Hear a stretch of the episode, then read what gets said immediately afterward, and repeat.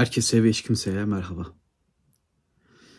Hemen bu cümlenin ardından umarım ve inşallah iyisinizdir diyordum ama bugün ve belki bundan sonra kolay kolay bu ifadeyi kullanmayacağım.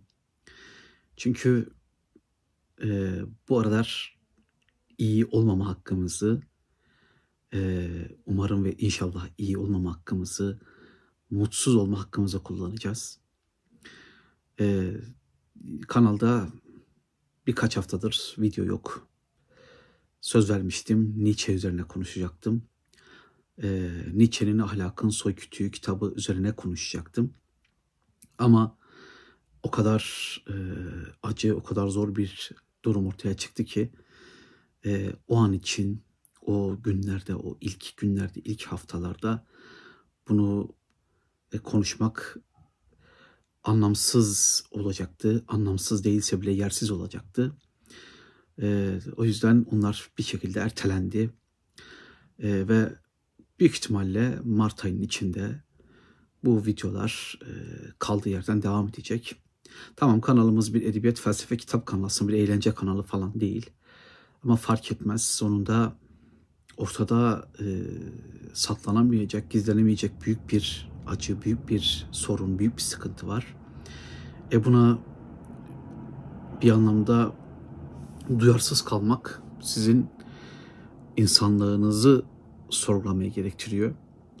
Ben kendi adıma verdiğim karar uzun zaman haftalarca e, kameranın karşısına geçmemekti. E, bence doğru bir e, şeydi bu, tavırdı. E zaten herhalde izleyebilecek pek de insan yoktu ama artık takriben 3 hafta geçti bu 6 Şubat Maraş depremi ve depremi depremleri üzerinden. 3 e, hafta civarında bir vakit geçti. E ben de bu arada tabii haberleri izledim. Oradaki insanlara ulaşmaya çalıştım, tanıdıklarıma. Oraya yardıma giden arkadaşlarımla devamlı irtibatta oldum. Yani merak ettim. E, herkes gibi e, e, YouTube'da tüm içerik üreticilerini, haber kaynaklı onları izledim. Elbette televizyonlardan haber aldım. Elbette başka kaynaklar vesaire. Ee, bazı gözlemlerimi paylaşmak istiyorum. Tabii öncelikle 6 Şubat Maraş depremi ve depremlerinde Ardından tüm e, artçı depremlerde hayatını kaybeden tüm insanlara, e, tüm insanlara Allah rahmet eylesin. E, mekanları cennet olsun. E, mezarları yattığı yer ışıkla dolsun diyoruz. Bütün dualar, bütün e, tandanslar, bütün eğilimli dualarımız onlarla birlikte. E, kalanlara tabii ki başsağlığı diliyoruz. Tüm ülkeye başsağlığı diliyoruz. Bu kanalın çok sadık takipçileri var. Hatta bazıları bana DM'den yazdı. Ben deprem bölgesinde yaşıyorum. Depremi bizzat yaşadım diyenler çıktı. Onlara bir daha başsağlığı ve geçmiş olsun diliyorum. Akrabalarını kaybetmiş bazıları vesaire. Ee, bir de tabii ister istemez kayıt düşüyoruz yani bu korkunç olaya.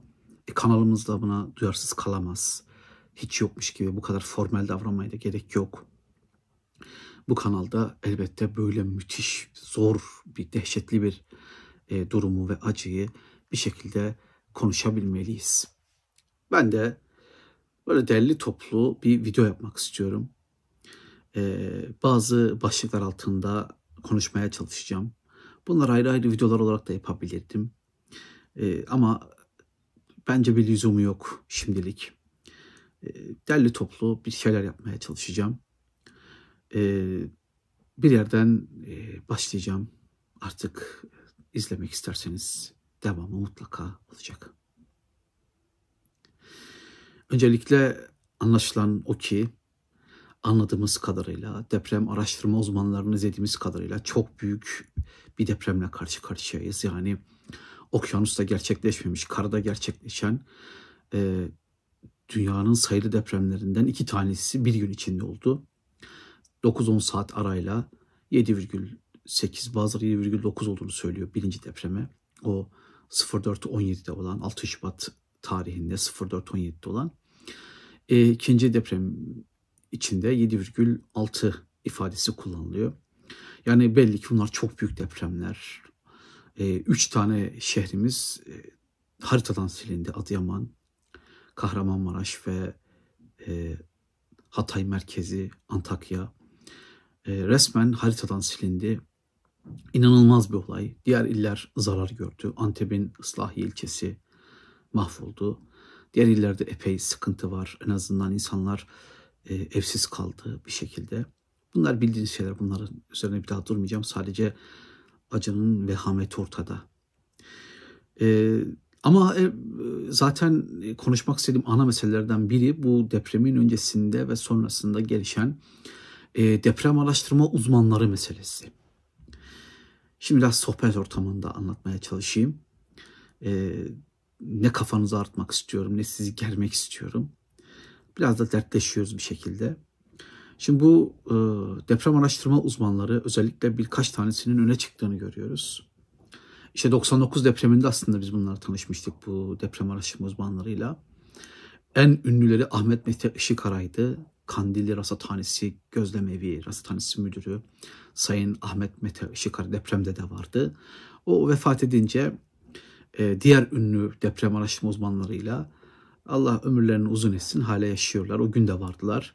İşte e, Övgün Ahmet Ercan, o günler Övgün ifadesini kullanmıyordu fazla. Yani e, ismini. Ahmet Ercan diye biliyordum ben e, kendisini. Övgün Ahmet Ercan, e, deprem araştırma uzmanı Celal Şengör, Şener Üşümezsoy, Naci Görür, Cenk Yaltırak, Okan Tüysüz vesaire vesaire birçok isim daha sayabiliriz ama bunlar herhalde hepinizin de ismini az çok duyduğunuz kişilerdi. Şimdi bunların e, bu deprem araştırma uzmanlarının içinden bir tanesi işte kovboy e, şapkalı abimiz Şener Üşümezsoy. Kendisini televizyonda görmüşsünüzdür. Uzun zamandır diyor ki mesela İstanbul'da büyük bir deprem olmayacak diyor. Diğerleri de diyor ki hayır olacak. İşte Övgün Ahmet Ercan diyor ki olacak ama 2045'ten önce olmayacak. E, Naci Görür diyor ki 7,6 olacak. Celal Şengör onunla hemen hemen aynı fikirde. Vesaire vesaire. Bir e, Cenk Yaltırak da onlara benzer. Ben kendisini yeni tanıdım bu arada. En başta biraz e, tavrından davranışından rahatsız olmam değil mi? Sonra hem konuya hakimiyeti hem de aslında gerginliğin ana nedeninin e, hak ettiği ilgiyi ve ciddiyeti görmemesi e, olduğunu görünce biraz daha daha dikkatli dinlemeye çalıştım. İTÜ'de e, deprem araştırma uzmanıymış, e, bir yer bilimciymiş kendisi. Şimdi bu deprem araştırma uzmanları meselesi niye açıldı onu söyleyeceğim. Hepiniz haberlerde izliyorsunuz işte hepsi kanallara çıkıyor, televizyonlara çıkıyor, YouTube kanallarına çıkıyor bilmem neler yapıyor. Efendim İstanbul'da bir deprem olacak mı? İzmir'de olacak mı? Adana'da da olacak mı? Orada da olacak mı? Burada da olacak mı diye sorular geliyor ve e, genel olarak evet olacak, e, önemli bir deprem olacak diyorlar. Ama bazen işte Şener Üşümezsoy en başta kovboy şapkalı abimiz o e, İstanbul'da çok büyük deprem olmayacak diyor. 6,5, 6,7'yi geçmez diyor. Ben tam bununla ilgili bir şey söyleyeceğim size. Bir gözlemimi aktaracağım. Şimdi böyle e, ben bildim, ben fena bildim, acayip derecede bildim diyenlerden bir tanesi işte Ahmet Ercan 2020 yılında çıkıp demiş ki e, Maraş ve civarında 7,6'ya kadar deprem olabilir demiş. Ben e, depremden iki hafta önce katıldığı bir programa denk geldim. O programı izledim. Orada karşısındaki sunucu diyor ki efendim bazı deprem bilimciler diyor ki e, çok büyük e, depremler bekleniyor Maraş, Antakya civarında işte Malatya e, vesaire. Ne diyorsunuz diye soruyor. E, orada Ahmet Ercan diyor ki Maraş fay diyor. Maraş'a geçen fay işte o Doğu Anadolu fay ve Ölüdeniz fay iki tane fay varmış. Bu fay hattı uzmanı olduk maşallah sayelerinde. Orası diyor 7'den fazla deprem yapmaz diyor. Yani ben 6,5 civarı bir şey olur diyor. Ya 7'yi de geçmez diyor. Şimdi 2-3 yıl önce 7,6 olur diyen adam birkaç yıl sonra 7'yi geçmez diyor. E, şimdi ne oldu? 7,9 olduğunu kendi söylüyor. 7,8 de değil 7,9'luk deprem oldu diyor. Şimdi deprem araştırma uzmanlarının benim size tavsiyem zaten konuyu ondan açtım. Deprem araştırma uzmanları diyorsa ki 6,5 diye dep büyüklüğünde deprem olur bu e, toprakta fayda. Siz bilin ki 7 olur. Yani 7 diyorlarsa 7,4'e hazırlanın. 7,4 diyorsa 7,7'ye hazırlanın. Yani e, on, daha kötümser olun bu konuda. Karamsar demiyorum. Daha kötümser olun. Siz kötü ihtimali düşünün ve ona göre önleminizi alın. Benim size tavsiyem bu. Yok efendim İstanbul'da büyük deprem olmazdan tutun. Efendim Maraş civarında olmaz. Ee, yani 7'yi geçmez. 6,8 bile beklemiyorum falan diyen adamlar. Bugün herkes ters köşe oldu. 7,9, 7,8'den bahsediyorlar.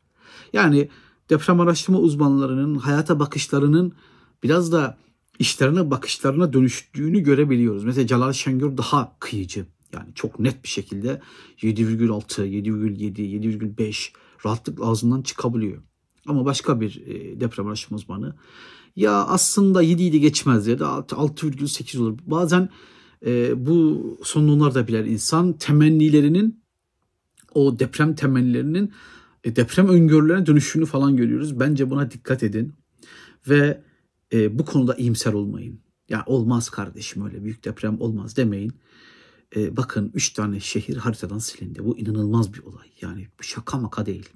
Bu e, Türkiye Cumhuriyet tarihinin gördüğü tartışmasız en büyük felaket. En büyük olay.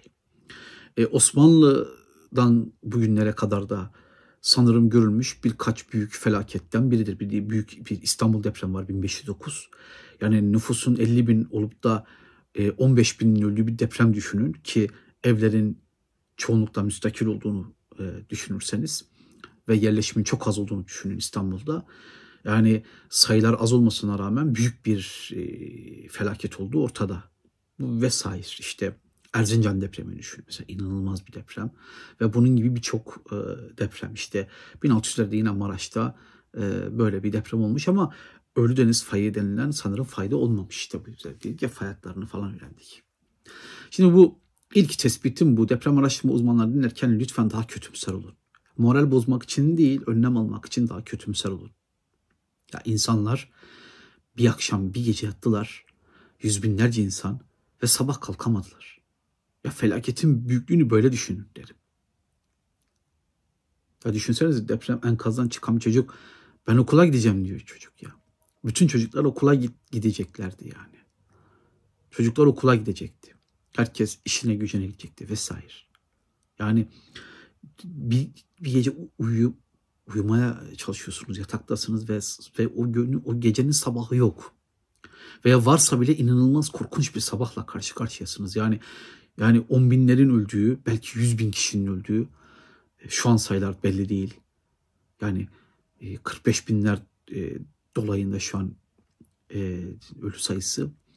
Yani belki yüz bin insanın öldüğü ve milyonlarcasının da bir de hayatının hiçbir şekilde düzelmeyeceği bir ortamla karşı karşıyayız. Ya, inanılmaz bir şey bu. Bu şaka maka değil yani. Ve bence bu konuda kötümser olmakta fayda var. Bu benim ilk tespitim. Deprem araştırma uzmanları hususunda söylemiş olayım. Şimdi bir ikinci tespitimi söyleyeceğim. Yine aslında bu deprem araştırma uzmanlarıyla ilgili ama bu kötümserliğe yakın bir ifade. Şimdi bu e, 2011 yılıydı yanlış hatırlamıyorsam Van'da deprem oldu. 7,1 e, büyüklüğünde bir deprem oldu Van'da. E, ve e, onu hatırlayanlar bilecektir. O depremden önceki fay haritalarında Van birinci derece deprem bölgesi olarak kabul edilmiyordu. Yani 5,5 olur, 6 olur ama 7 olmaz diye bir kabul vardı. Şimdi e, benim memleketim Erzurum'da da 5,5-6'dan yukarı deprem olmayacağını iddia eden e, birçok bilim adamı var. E, e, Van'da da aynısını söylüyorlardı. Van'da olmaz diyorlardı. İşte Erzurum merkezde olmaz diyorlar.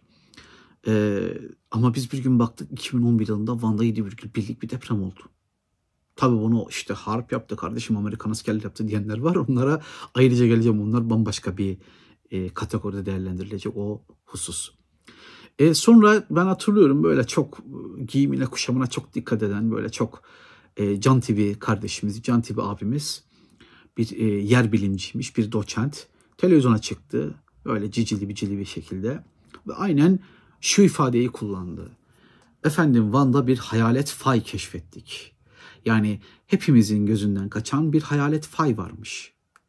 E kardeşim siz bir deprem e, haritası çıkarmıştınız ve ve çok emin bir şekilde birçok kişi Van'da büyük deprem olmaz, Van'da olmaz falan diyordu. Ben bunları çok hatırlıyorum. Olunca da aa burada hayatta vardı ya da varmış ya da vardı da eskiden vardı falan demeye başladılar. Yok hayalet fay, e, işte efendim hayalet avcılarının fayı, yok King Kong fayı, yok bilmem ne. Tuhaf tuhaf olaylar. Hayalet fay ne ya? Ya bizler bizi dalga mı geçiyor bilmiyorum. Hayalet fay diye bir şey var mı? Ben ben bizzat o e, yer bilimci doçentten bunu hayalet fay var efendim anda 7,1 deprem olmuş ya. Tabii hiçbiri 6'dan büyük deprem olmaz diyor. 5,5-6 olmaz ya. Ne alakası var işte. İşte hurafeci değiliz biz bilim adamıyız diyorlar. Sonra 7,1 olunca ha hayalet fay varmış. O zaman birazcık daha temkinli mi konuşsanız? İşte birinci tespitimle bunun bir alakası var. Biraz e, temkinli mi konuşsam insanlar? Yani olabilir mi deseniz, olasılık az mı deseniz, olmaz kardeşim demek yerine. Yani e, bir e, devamlı e, oradan buradan ben Türkiye'nin deprem tarihine bakıyorum inanılmaz. Ya deprem olmayan, büyük deprem olmayan hemen hiçbir yer kalmamış. Baktım Ankara, Konya, Kayseri. Bir oralarda görünmüyor ama denilene göre orada da aslında çok eski fay hatları var. Ve bugün bir deprem olsa kimse şaşırmayacakmış. Yani ya memleketin ya Samsun'un Ladin'den tut e, Çankırı'ya kadar, Denizli'ye kadar, Afyon'a kadar, Balıkesir'e kadar, Çanakkale her yer İzmir'e kadar. Her yer fay hattı. Her yer fay hattı. Bodrum'a kadar her yer fay hattı. Her yer fay hattı. E yani kalkıp da olmaz olmaz orada deprem olmaz demenin ne anlamı var? Ya üst üste 10 saat için iki tane kocaman deprem oldu. On binlerce insan öldü. Halen daha ben görüyorum bazıları çıkıyor. Olmaz ya. Orada deprem olmaz. Ya ben bugün artık Karadeniz'de bile deprem olabileceğine dair bir şüpheye kapıldım. Ya bu kadar büyük, bu kadar tehlikeli fayatları varsa ya yeni kırıkların oluşmayacağını var veya var olan kırıkların oraları da etkilemeyeceğinin garantisi var mı? Olmaz demek kolay. Şimdi bununla alakalı bu olmazcılıkla alakalı yer bilimcilerin biraz bu konuda fazla kendine güvenmesiyle alakalı ilginç bir şey söyleyeceğim size. Ben bunu bir televizyon programında izledim yıllar önce. Ee, yine 2011'di sanırım işte Van depremi zamanı o, o zamanlara yakın şey. Japonya'da büyük bir deprem oldu biliyorsunuz. Fukushima Daiichi adlı bir tane nükleer e, reaktör içe su dolmuştu. Yani reaktör patlamadı ama yani e, mahvoldu reaktör. E, şimdi bu Fukushima Daiichi yapanlar e, bir konferans düzenliyor. İşte nasıl bu nükleer e, santral yaptık vesaire. Ve orada işte o mühendislerden bir tanesi bir konuşmacı ve diyor ki bizim diyor bu yaptığımız nükleer santral diyor çok iyi korunuyor diyor. Müthiş bir korunaklı bir santral. Diyor ki işte 8 büyüklüğünde bir depreme rahatlıkla dayanır diyor. Hatta 8.5'a bile dayanır diyor. Yani o kadar dayanıklı yaptık. Bu konferansta bir Türk mühendis olduğu iddia ediliyor. Bizim Türk mühendis hemen atlıyor. Gerçekten bir Türkiye yakışır şekilde ee, diyor ki peki diyor 9 olursa ne yapacaksınız diyor diyelim ki 8, 8 olmadı deprem 8,5 da olmadı 9 oldu deprem ne yapacaksınız diyor. Büyüklüğü 9 oldu ne yapacaksınız diyor. O Japon e, mühendisin e, cevabı böyle bir deprem öngörmüyoruz oluyor. Ve yıllar sonra işte 2011'deki o şey, e, işte o Japonya depremi büyük 9,1 10 muydu 11 miydi şimdi hatırlayamadım. Bu büyük deprem oluyor. Ee, ve bu reaktör biliyorsunuz çok büyük zarar gördü ve etrafa çok zarar verdi. Bakın öyle bir deprem öngörmüyoruz ifadesinden ni duyduğunuzda bence şüphelenin. Öyle bir deprem öngörmüyoruz demekle o hiç çözülmüyor. Hatta İzleyenler belki çıkmıştır. Ee, biraz da ona da tepki gösterdi bazıları. Onu da söyleyeceğim. Ee, işte Xavier Labichon bir e, şey Fransız yer bilimci Habertürk televizyonunda bir programa katıldı. Onu izleyebilirsiniz şeyde e, internette. Ben de oradan gördüm. O, o diyordu ki e, Japonya'daki deprem 9,1'lik depremle Türkiye'deki özellikle ikinci deprem 7,8 oldu ya ondan sonra 9 saat sonra bir tane de oldu. Bu depremler bizim e, deprem ezberimizi bozuyor diyor. E, bozdu. Yani fayatları tamamen düşündüğümüz gibi hareket etmeyebilir. Düşündüğümüzden daha kötü şeyler olabiliyor diyor fayatlarında. Yani ha senin gözünü seveyim işte ya böyle akıllı adamlara ihtiyacımız var. Kardeşim öyle bir deprem öngörmüyordunuz Fukushima Daiichi nükleer santralının olduğu yerde.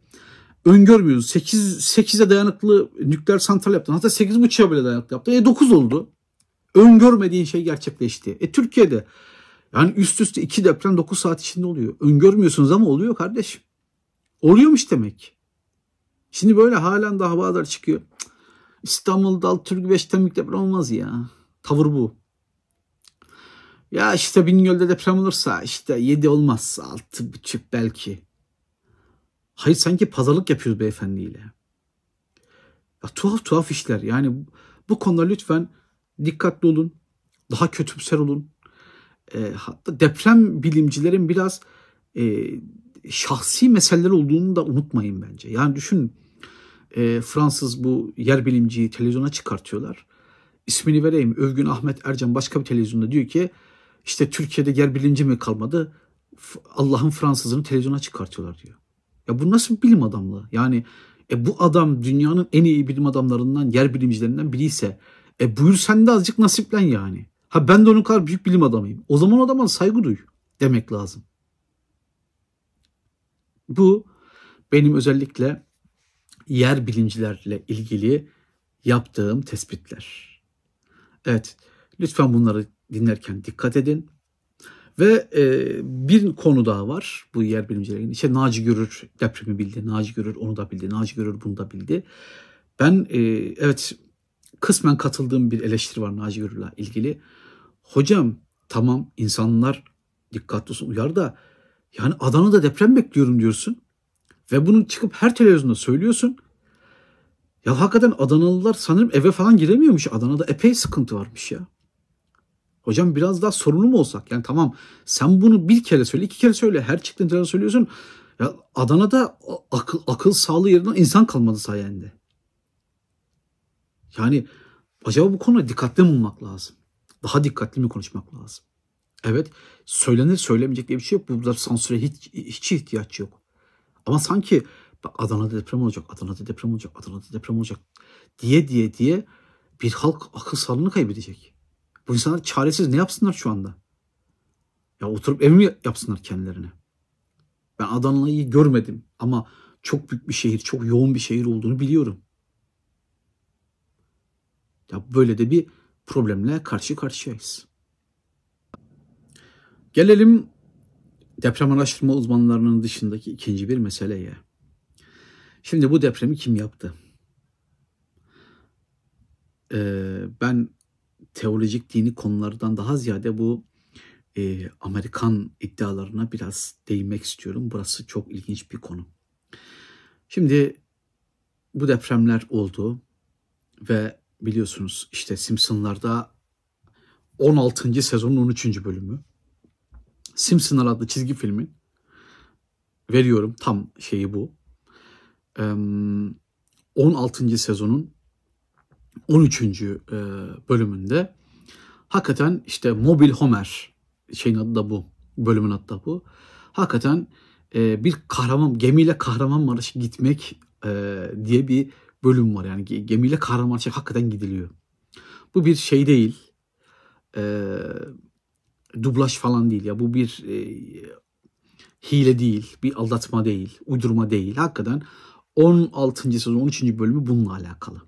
Ve hatta her neden denirse densin bu bölümde depremi anlatan, çağrıştıran depremle ilgili birçok da konu var. İşte Homer adlı vatandaşın işte Simpsonlarda e, garaj kapısının altında kalıp enkaz altında kalıp kurtarılması, ona ilk yardım yapılması, hayat sigortası yapması, e, deprem yardımlarından işte yardım kuruşlarını alan gömleklerle, tişörtlerle e, ortaya çıktığında insanların dalga geçmesi, e, Türkiye bir gemiyle gelmesi ve bu geminin Kahramanmaraş'a gelmesi bunlar oldukça tuhaf.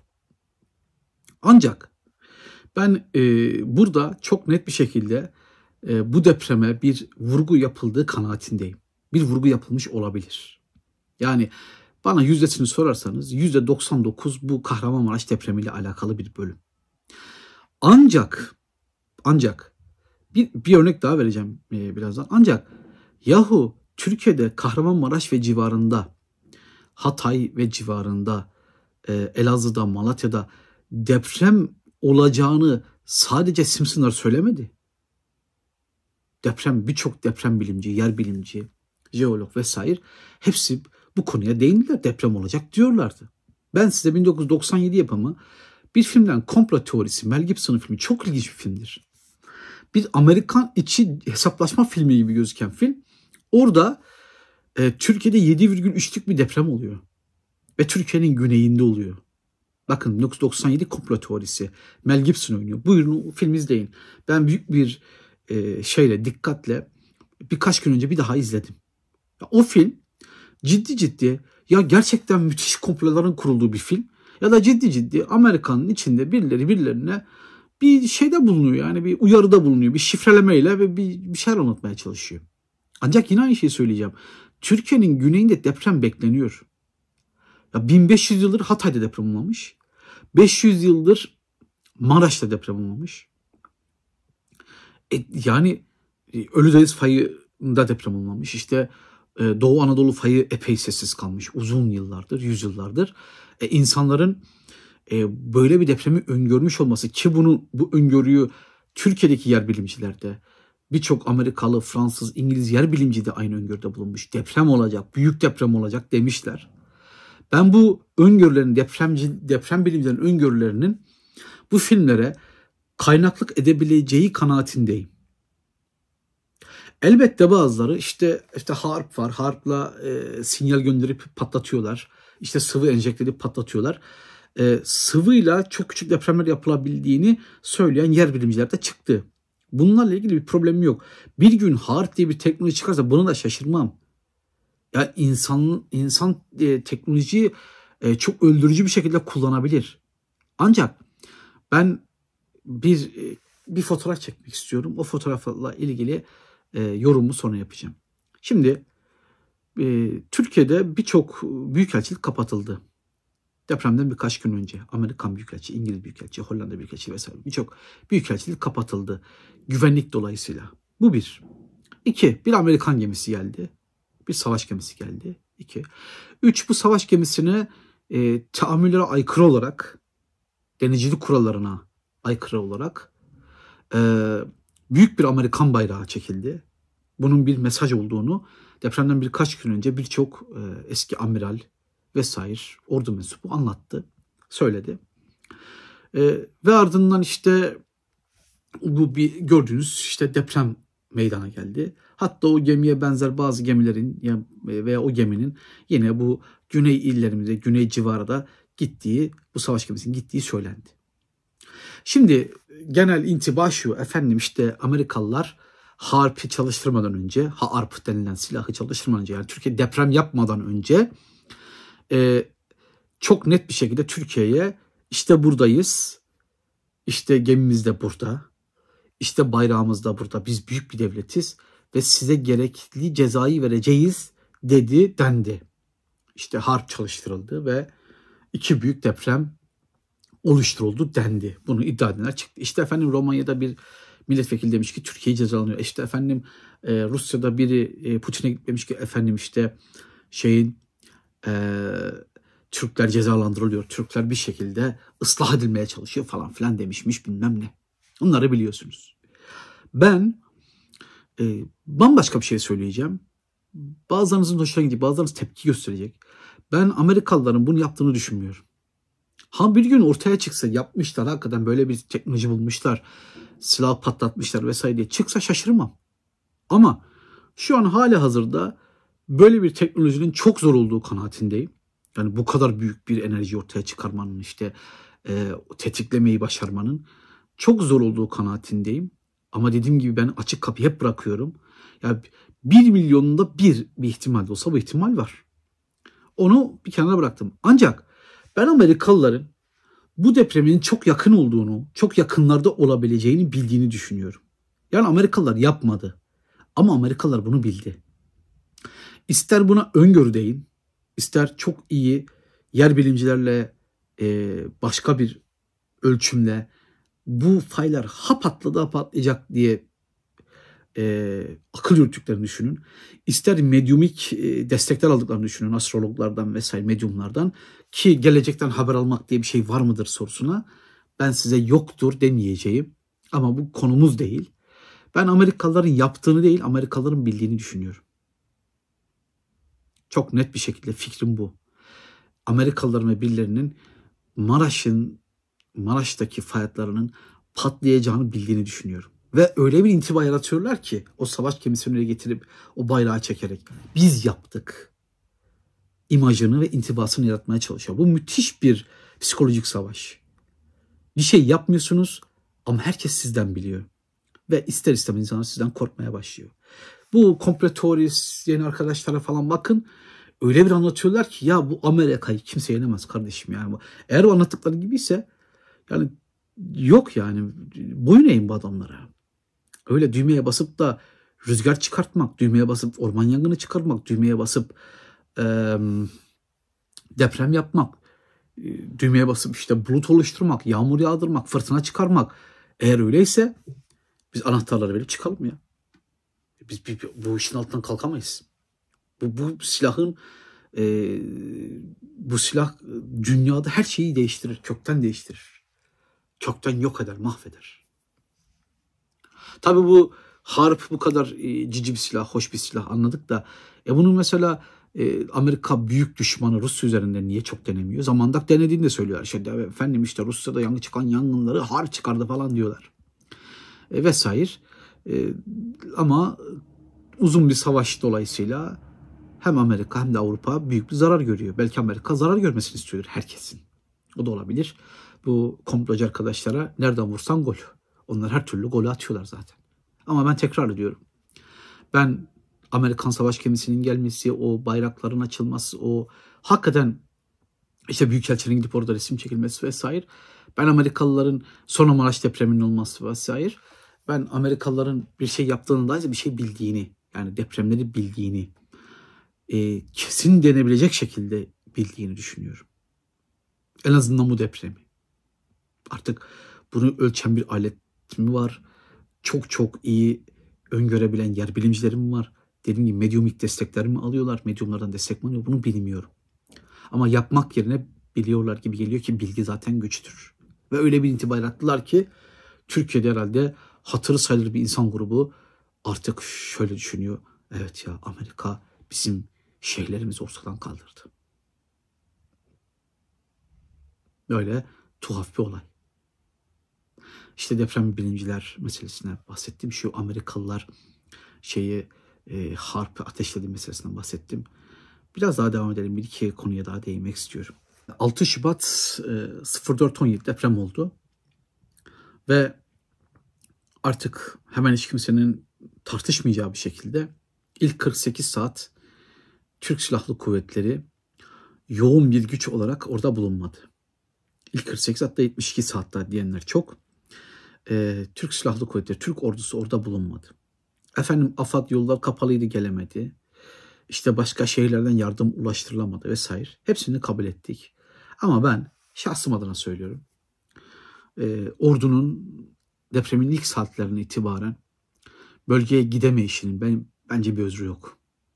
Ya bu tartışılacak bir konu değil. Ordunun ilk günden, ilk saatlerden orada olması gerekiyordu. Benim anlamadığım şey şu. Eğer öyleyse ya bu ordu ne işe yarıyor? Eğer o ilk saatler 8 saat, 10 saat, 12 saat, 15 saat, 20 saat, 25 saat, 30 saat, 40 saat, 50 saat, 60 saat, 70 saat bilmem ne saat. Ordu orada olmayacaksa yani on binlerce rütbelisinin olduğu, yüz binlerce erinin, askerinin olduğu bir orduya bizim ne ihtiyacımız var? Üç tane şehir haritadan silinmiş. Biz normal sıradan vatandaşı televizyonda ya ben Hatay'ın yıkıldığını Fenerbahçe'nin eski kalecisi Volkan'ın ağlamasıyla anladım. Çoğu insan da o zaman anladı. Hakikaten ya bu Hatay yıkılmış, yok olmuş Hatay. Ya bu adam ağlamaz kolay kolay. Güçlü bir karakterdir. Güçlü bir kişiliği vardır. Bu adam kolay kolay ağlamaz diyorsun. Adam çocuk gibi ağlıyor şeyde. Açmış telefonunu. E nasıl olur yani? Biz bunu bilmiyor olabiliriz. Nasıl ordu nasıl bilmez? Bilip nasıl gitmez? Efendim 3500 askerle şeydeyiz ne demek ya? Alandayız ne demek? Bildiğim kadar şu an 350 bin 400 bin askeri var ordunun.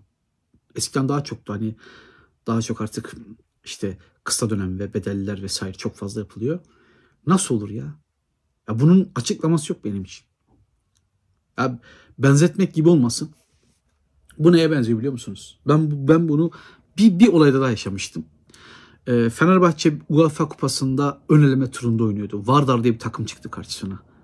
Futbolla ilgilenenler bilecektir. Vardar işte nerenin takımı ya? Makedonya'nın takımı mı? Ne öyle bir yer. Arnavutluğun takımı neyse artık. İşte Vardar diye bir takımla karşılaştı. Ve Fenerbahçe bu Vardar denen takıma elendi. Ya bunun özrü yok kardeşim. Fenerbahçe Vardar'a elenemez. Bunun özrü yok. Ben hiçbir özrü kabul etmem. Ve o deprem olduğunda saatler içinde 3 saat, 5 saat, 10 saat, 20 saat, 50 saat ordunun orada olması gerekiyor. Genel intiba 48. saatten sonra ilk iki günden sonra askerin yoğun bir şekilde şeye geldiği, bölgeye geldiği. Bugün mesela anlatıyorlar. Her enkazın başında asker varmış. Ya ilk üç gün neden yoktu? İlk iki gün neden yoktu? Her enkazın başında asker neden yoktu mesela? Bence bu açıklanamaz bir durum. Bu çok zor bir durum. Ya Fenerbahçe Vardar'a elenemez. Yani askerde ne olursa olsun ilk saatlerden itibaren belli ki çok büyük bir olay var. Helikopteriyle, uçağıyla neyi var neyi yok. Ya ben işte sanırım Milli Savunma Bakanı hava yağmurluydu, helikopter indiremedik falan diyor. Gerçekten indirilemiyor mu? İnşallah indirile, indirilemiyordur yani. Ya bilmiyorum helikopterle yağmurlu havada çalışmıyor mu? Hani sisli hava yanlarında yağmurlu havada hakikaten çalışmıyor mu helikopterler? Bilmiyorum.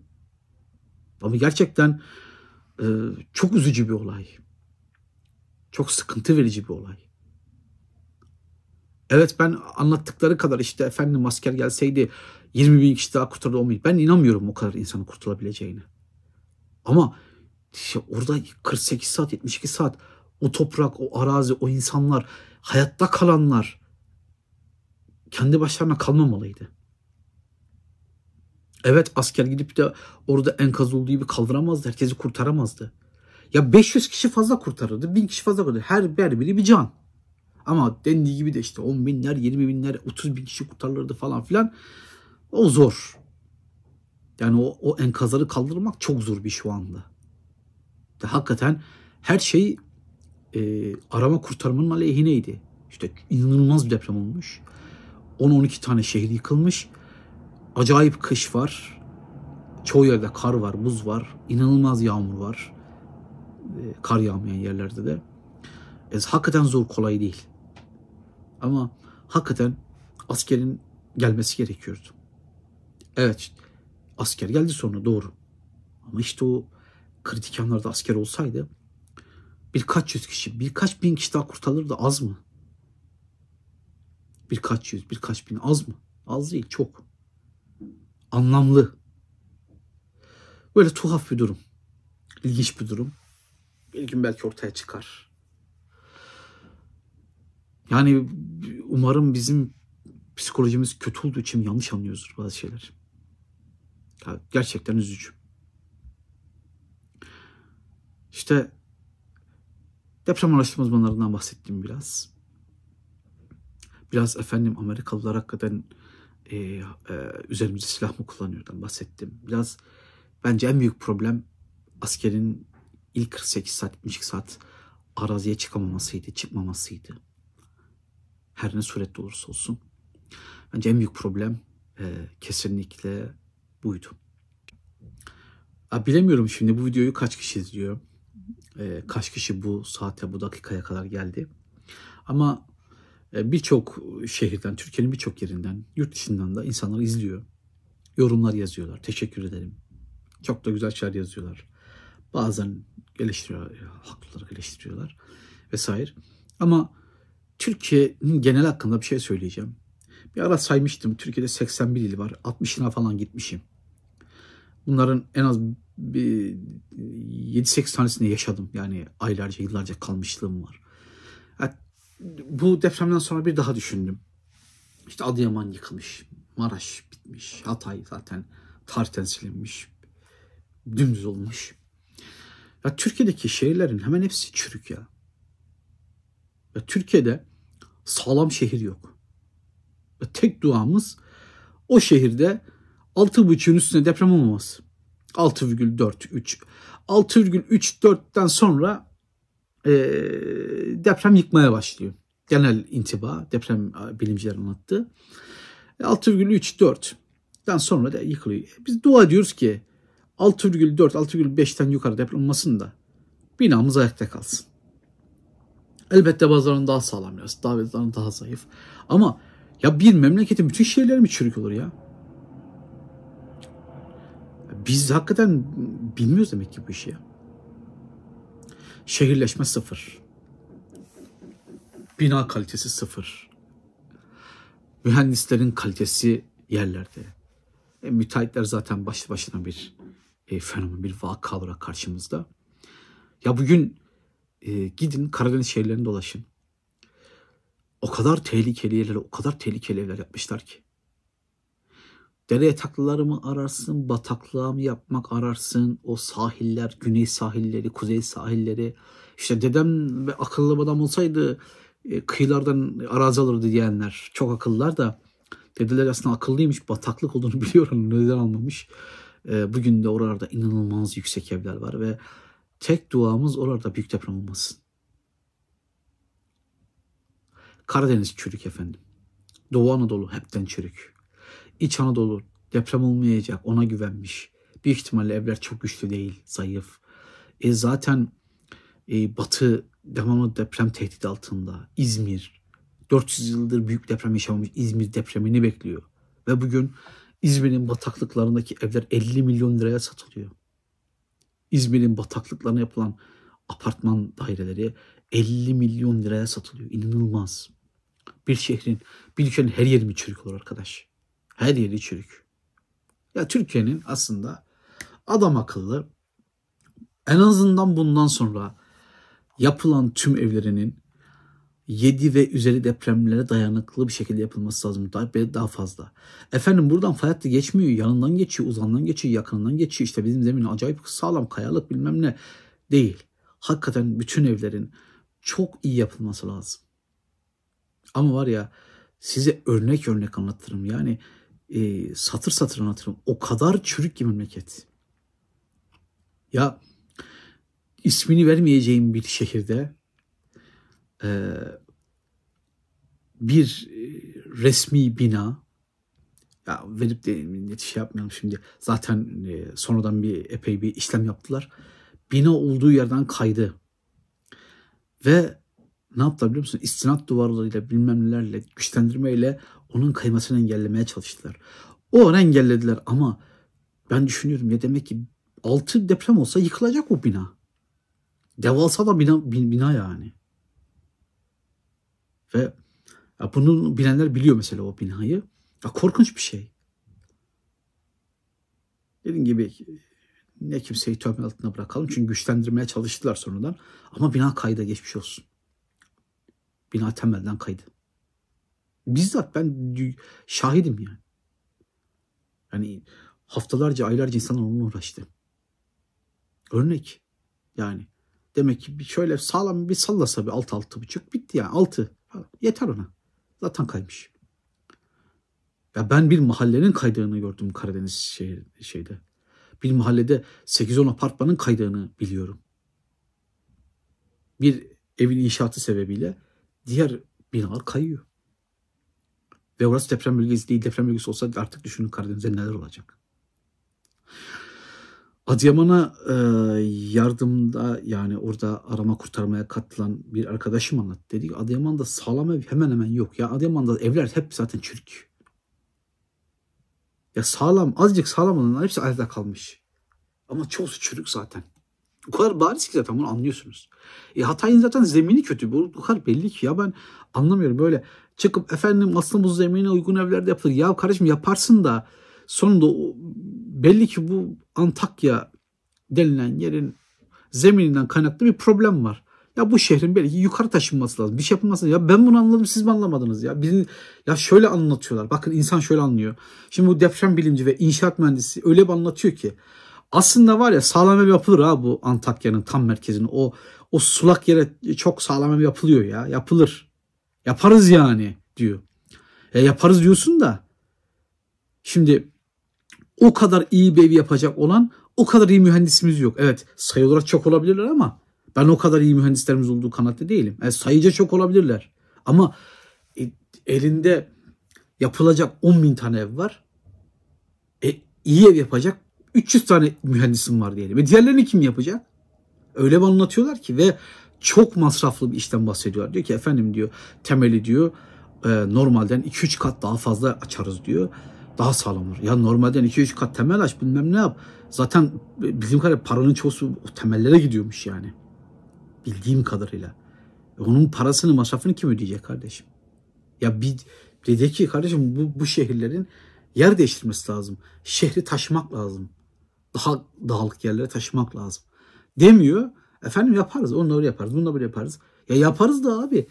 E, anladınız ya kıyamet koptu işte. Yıkılıyormuş bir evler burada. Ya Osmanlı'nın yasağı üç gündür diyorlar. Sen bugün yasayı koy. Dördüncü gün bu yasanın çiğneyeceğinden eminim. Eminim yani. Tam da bununla ilgili bir şey anlatacağım. Bu da bugün artık bu sohbet formatında deprem intibalarının son olsun. Ya hep böyle duyuyoruz ya işte efendim Japonya bir deprem ülkesi. Japonya depremle mücadelesini kazanıyor. Japonya'da artık evler çok sağlam. Japonya'da işte izolatörler var. İşte zeminle bağlantısı kesmiş binalar var. Japonya'da amortisörlü evler var. Japonya'da bilmem neler var. Japonya'da işte e, desteklenmiş evler var vesaire vesaire vesaire. Bir kişi bakın bir kişi görmedim. Bir tane deprem araştırma uzmanı, bir tane sunucu, adam akıllı bir tane gazeteci. Bakın yemin ediyorum bir tane görmedim.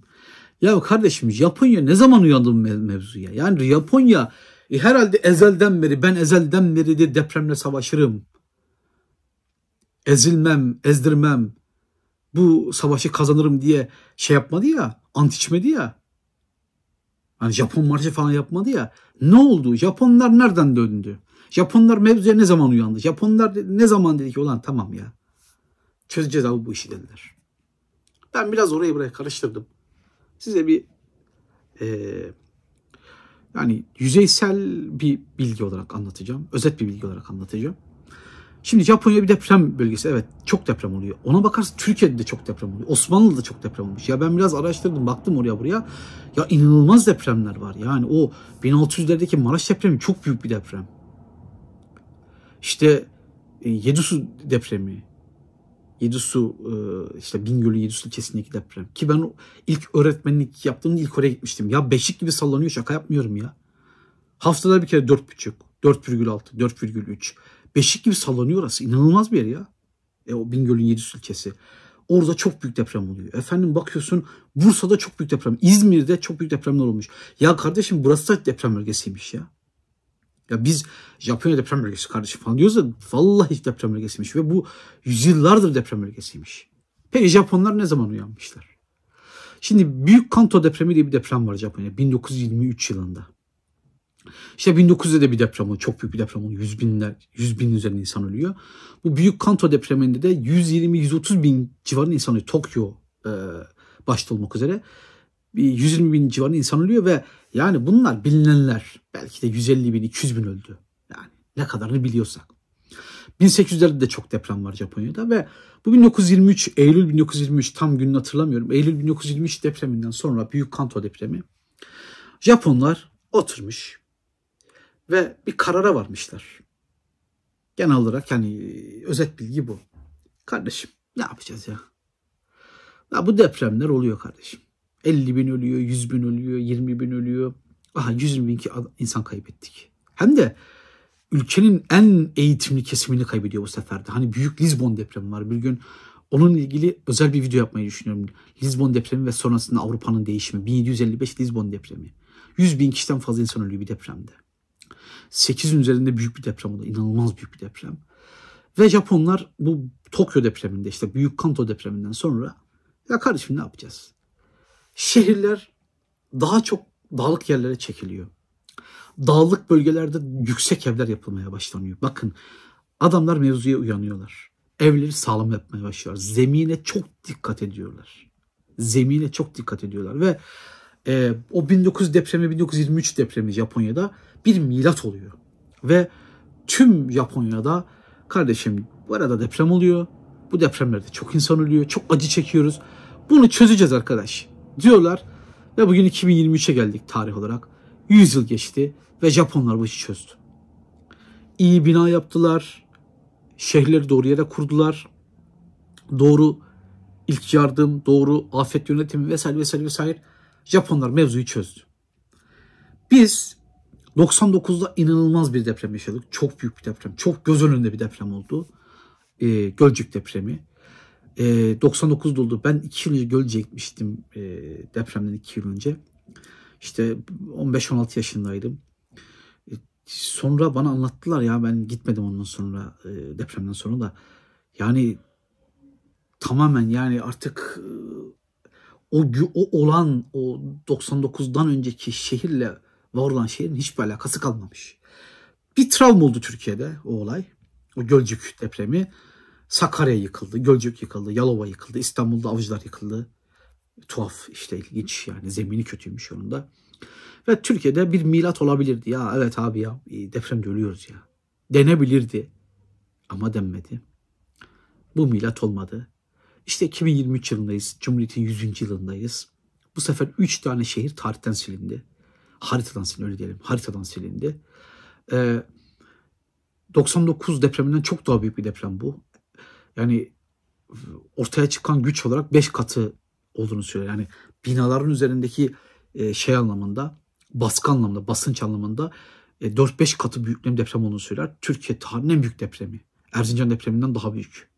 Genel intiba bu. Zaten vefatlar, e, ortaya çıkan inanılmaz manzara onu gösteriyor. Ya ümit ederim bu depremde Türkiye'nin miladı olur. Ve Türkiye'de Japonya gibi bir deprem ülkesi olmasının idrakine varıp bundan sonra tüm dünyaya e, örnek olabilecek şekilde çok sağlam binalar ve çok sağlam şehirler üretmeye, yaratmaya başlar. Bakın ümit ederim diyorum. Ama ama hali hazırdaki durum, hali hazırdaki insan anlayışı, yönetim anlayışı, genel halkın olaya bakış açısı vesaire. Bu ümidi destekliyorum diye sorarsanız dürüstçesini söyleyeyim hayır desteklemiyor. Ama bunu yapmazsak ne olur? Hepimiz farkındayız değil mi? Daha biz çok enkaz kalırız. Daha enkazın altında çok kalırız. Daha asker niye gelmedi, polis niye gelmedi, afat niye gelmedi, ahbap niye gelmedi diye çok ağlarsızlarız. Ya 1923'te ciddiyet ilan eden Japonlar gibi kardeşim bak bu ciddi kardeşim ölüyoruz ya deyip e, elimizden gelen tüm enerjiyi buraya veririz. Bu bizim birinci meselemiz olur. Ya da dediğim gibi enkazları kaldırmaya devam ederiz. Çok uzatmayayım. Tam burada bırakayım. Teşekkür ederim dinlediğiniz için. 6 Şubat Maraş depreminde, depremlerinde vefat eden herkese rahmet diliyorum. Kalanlara başsağlığı, tüm ülkeye başsağlığı diliyorum.